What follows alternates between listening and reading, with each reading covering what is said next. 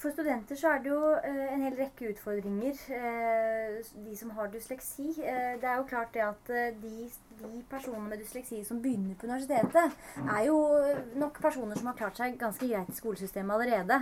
Så de som har fått absolutt aller minst oppfølging i, i tidligere, de, de, de kanskje ikke engang begynner.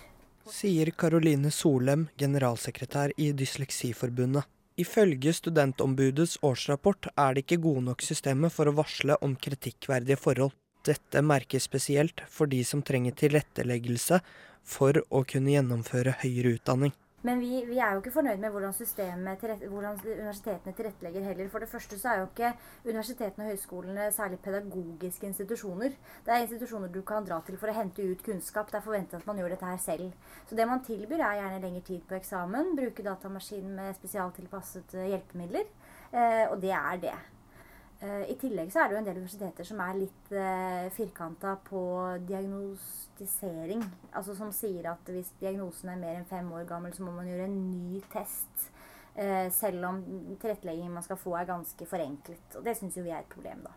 På dette området er universitetene og høyskolene for firkantet. Igjen med det jeg sier om utredning. Noen høyskoler sier jo kanskje at eh, du fikk en eh, utredning siste året på videregående.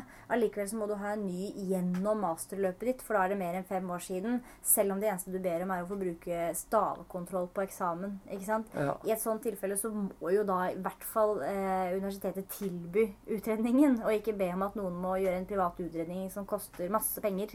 Diagnoseringen av dysleksi skyldes ikke bare dårlige systemer på universiteter og høyskoler.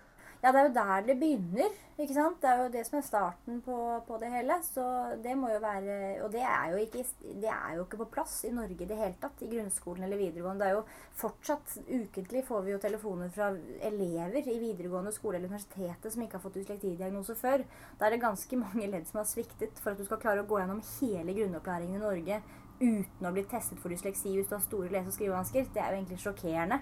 Så, så, det er jo en sånn grunnleggende ting som må være på plass, mener vi. da. Det, det er det jo ikke. Det finnes mange måter å forenkle en dysletikers hverdag. Så vi syns vel at universitetene kunne godt ha kanskje tilbudt mer studieteknikkurs. Det tror jeg mange flere enn dyslektikerne ville hatt utbytte av.